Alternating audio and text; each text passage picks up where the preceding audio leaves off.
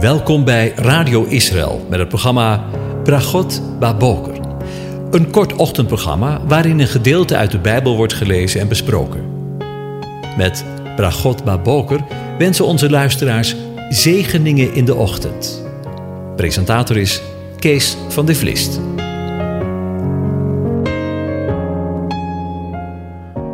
Goedemorgen en shalom, beste luisteraars. Het is weer uh, zaterdag en daarom uh, Shabbat. Ik wil met u verder lezen uh, vandaag en nadenken over Leviticus 23. Over Sukkot en het Loofhuttenfeest vandaag. Ehm, ik lees het gedeelte aan u voor. Spreek tot de Israëlieten en zeg: Vanaf de vijftiende dag van de zevende maand is het zeven dagen lang Loofhuttenfeest voor de aanwezigen.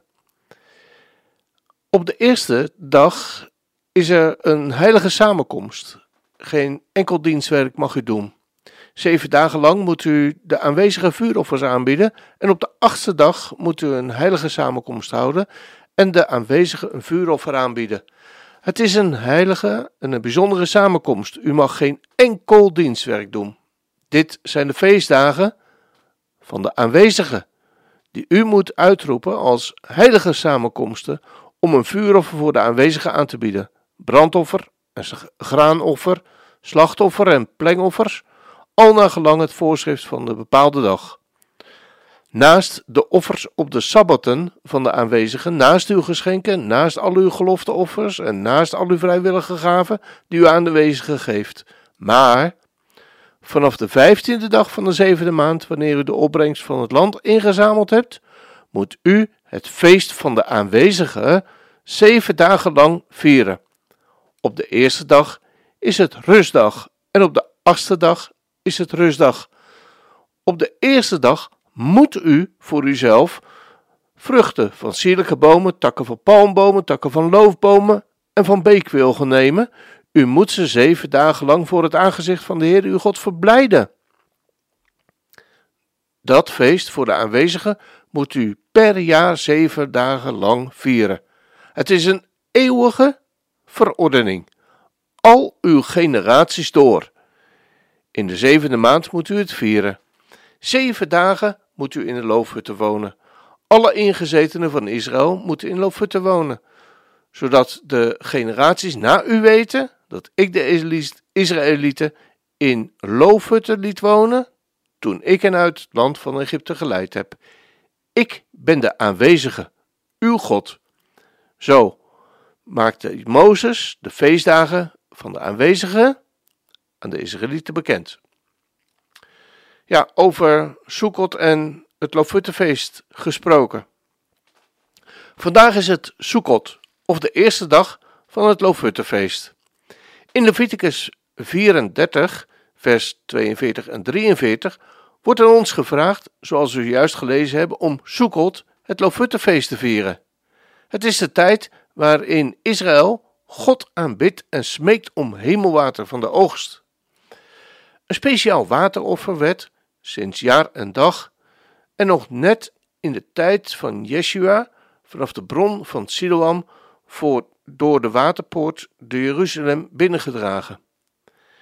Het was een offer om de almachtige regen af te smeken, al sinds de profeten de aanwezigen op de geestelijke betekenis van droogte, zegt Jezaja, O alle geedorstigen, kom naar het water. In hoofdstuk 55 vers 1.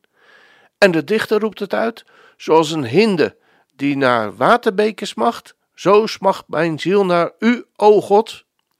In Psalm 42, vers 2. Sukkot is een waterfeest, een oogfeest, het laatste van de drie pelgrimsfeesten en een vreugdefeest. Het is ook een feest dat ons confronteert met onze afhankelijkheid van de aanwezigen. Dit gebeurt met name door de opdracht om een soeka of een loofhut te bouwen. Vaak wordt met de bouw van zo'n loofhut al voor Grote Verzoendag begonnen, want na vijf dagen na die grote dag is het al Loofhuttenfeest. Je kunt een loofhut in de tuin bouwen, maar ook op een balkon of zelfs in een bovenkamer met een dakraam, zodat je vanuit de loofhut door het dak naar de lucht kunt kijken. Het is namelijk een voorschrift. Het dak moet open genoeg zijn om de lucht te kunnen zien en tegelijkertijd zo bedekt met takken dat, de schaduw, dat die ook schaduw geven. Op Sukkot draagt iedereen een lulav naar de synagoge, behalve op Shabbat. Een lulav is een bundel van takken bestaande uit één palmtak, letterlijk een lulav, twee wilgetakken, aravot, en drie mittentakken, hadassot, plus een etrog, een citroenvormige citrusvrucht, zoals beschreven in Leviticus 23 vers 40. En het zwaaien is een wuifgebed naar de Almachtige, waarbij je om water smeekt, zoals de etrog, net als alle andere soorten fruit water nodig heeft, zoals palmtakkenverleien groeien, waar een overvloed aan water is, en zoals mitten en wilgen aan water groeien. Zo laten we de God die ons geeft wat we nodig hebben, weten dat ook wij water willen. De lulaf wordt naar alle windrichtingen gezaaid en dan ook naar boven, hemelwaarts en naar beneden, richting de aarde. Zo heeft de hele wereld water nodig. De gedachte achter deze symboliek vinden we in Habakkuk 2, vers 14. Ik lees aan je voor. Want de aarde zal vol worden met de kennis van de heerlijkheid van de Heere, de aanwezige, zoals het water de bodem van de zee bedekt. Er zijn verschillende opvattingen over de betekenis van de vier delen waaruit de Lulaf bestaat. Eén daarvan is dat de vier componenten betrekking hebben op de vier soorten mensen. Dat zijn zij die lekker ruiken en smaken. Dat zijn de mensen die de Torah leren en ook onderwijzen. Die worden vergeleken met de etrog.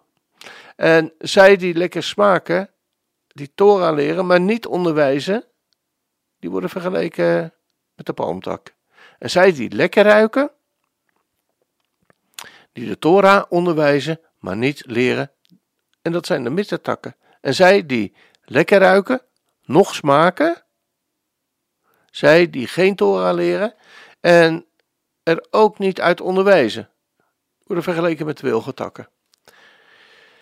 Het zwaaien is een gebed tot eenheid van de vier groepen. Dus verscheidenheid, eenheid in verscheidenheid moet ik zeggen. Een ander beeld krijgen we wanneer we de lulaf op onszelf betrekken. De etrog staat voor ons hart, ons begrip en onze wijsheid. De lulaf onze ruggengraat, onze oprechtheid. De mitte onze ogen, ons onderscheidingsvermogen. En de wilg onze lippen onze taal en ons gebed. In Zacharia 14 lezen we: Het zal geschieden dat er geen regen zal vallen op hem die uit de geslachten van de aarde niet zal opgaan naar Jeruzalem om zich voor de koning, de Heere, de aanwezige van de legermachten, neer te buigen. Als het geslacht van de Egyptenaren, waarop geen regen is gevallen, niet zal opgaan en komen, dan zal de plaag komen waarmee de Heer de aanwezigen, de heidevolken zal treffen, die niet zullen optrekken om het Lofuttefeest te vieren. Dit zal de straf zijn voor de zonde van Egypte en de straf voor de zonde van alle heidevolken die niet zullen opgaan om het Lofuttefeest te vieren. Het werd al aangegeven in nummer 29, waar het offer van de 70 stieren wordt verlangd. 70 is het getal van de volken, dat volgens de traditie 70 bedraagt. Het lezen daarover, we lezen daarover in Genesis 10. Sukkot is dus een waterfeest en het maakt ons weer bewust van onze bron. De Bijbel noemt hierbij een ander soort van waterscheppen, namelijk het water uit de bronnen van heil. De fonteinen des heils, zoals we lezen in Jesaja 12, vers 3. U zult vreugde scheppen uit de waterbronnen van het heil. Op de dag zult u zeggen: Dank de Heere, de aanwezige. Roep zijn naam aan en maak zijn daden bekend onder de volken. Roep in herinnering dat zijn naam hoog verheven is. Het is zo jammer dat we de oorsprong van het Hebreeuws zijn kwijtgeraakt in de vertaling die we lezen. Want het woord heil, dat in de tekst gebruikt wordt, is in het Hebreeuws Yeshua, de naam van de Messias. U zult vreugde scheppen uit de bronnen van de Messias. Dat staat er dus eigenlijk. De, op, uit de bronnen van Christus. Hij die onszelf opriep om, als we dorst hebben, te komen tot Hem. Wat er dan gebeurt, is dat Gods Ruach HaKodesh, Gods Heilige Geest, laten werken door ons heen naar anderen toe. Zoals we ook lezen in Johannes 7. Wie in mij gelooft, zoals de schrift zegt, stromen van levend water zullen uit zijn binnenste, letterlijk uit zijn buik vloeien. En dit zei hij over de geest, die hij, zei hij, in hem geloven ontvangen zouden. Want de Heilige Geest was er nog niet, omdat Jezus nog niet verheerlijk wordt. Mooi hè? Ja, Sukkot is een feest om je bewust te zijn of te worden van je dorst. Misschien voor het eerst, maar misschien ook opnieuw, want Hij is de bron van levend water. In Hem vinden we de bron, vinden we het levende water. De Bijbel verbindt water met Ruach HaKodesh, de Heilige Geest, zoals we lezen in Jesaja 44 vers 3. Want ik zal water gieten op de dorstige stromen van het droge. Ik zal mijn geest, uw nageslacht gieten en mijn zegen op uw nakomelingen. Ze zullen opkomen tussen het gras, als wilgen aan de waterstromen.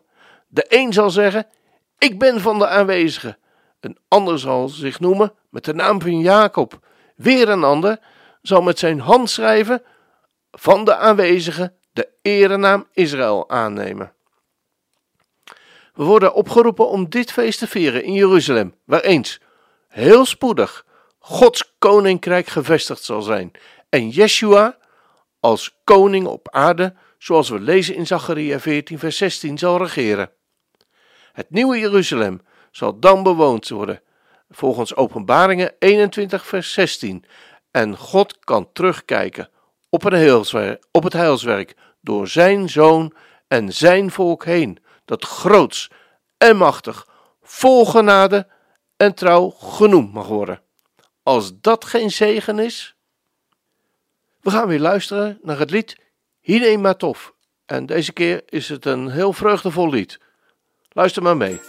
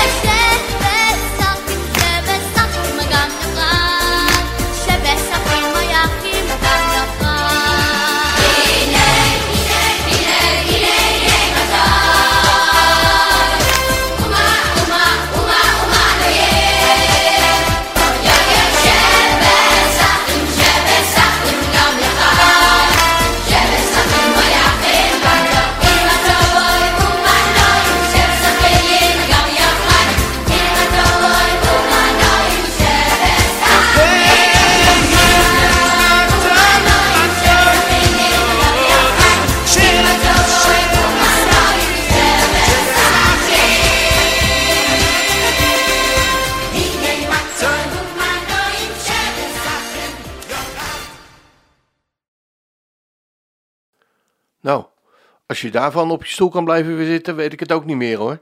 Als je daar niet blij van wordt. Nou, ik wens jullie een uh, fijne Loofhutte dag vandaag en een fijne Sabbat. En God zegen voor vandaag. En uh, we hopen elkaar morgen weer te treffen.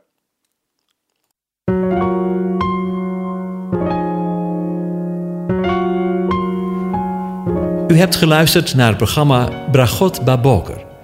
Een kort ochtendprogramma waarin een gedeelte uit de Bijbel wordt gelezen en besproken.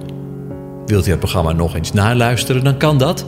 Ga naar radioisrael.nl en klik onder het kopje radio op Uitzending gemist.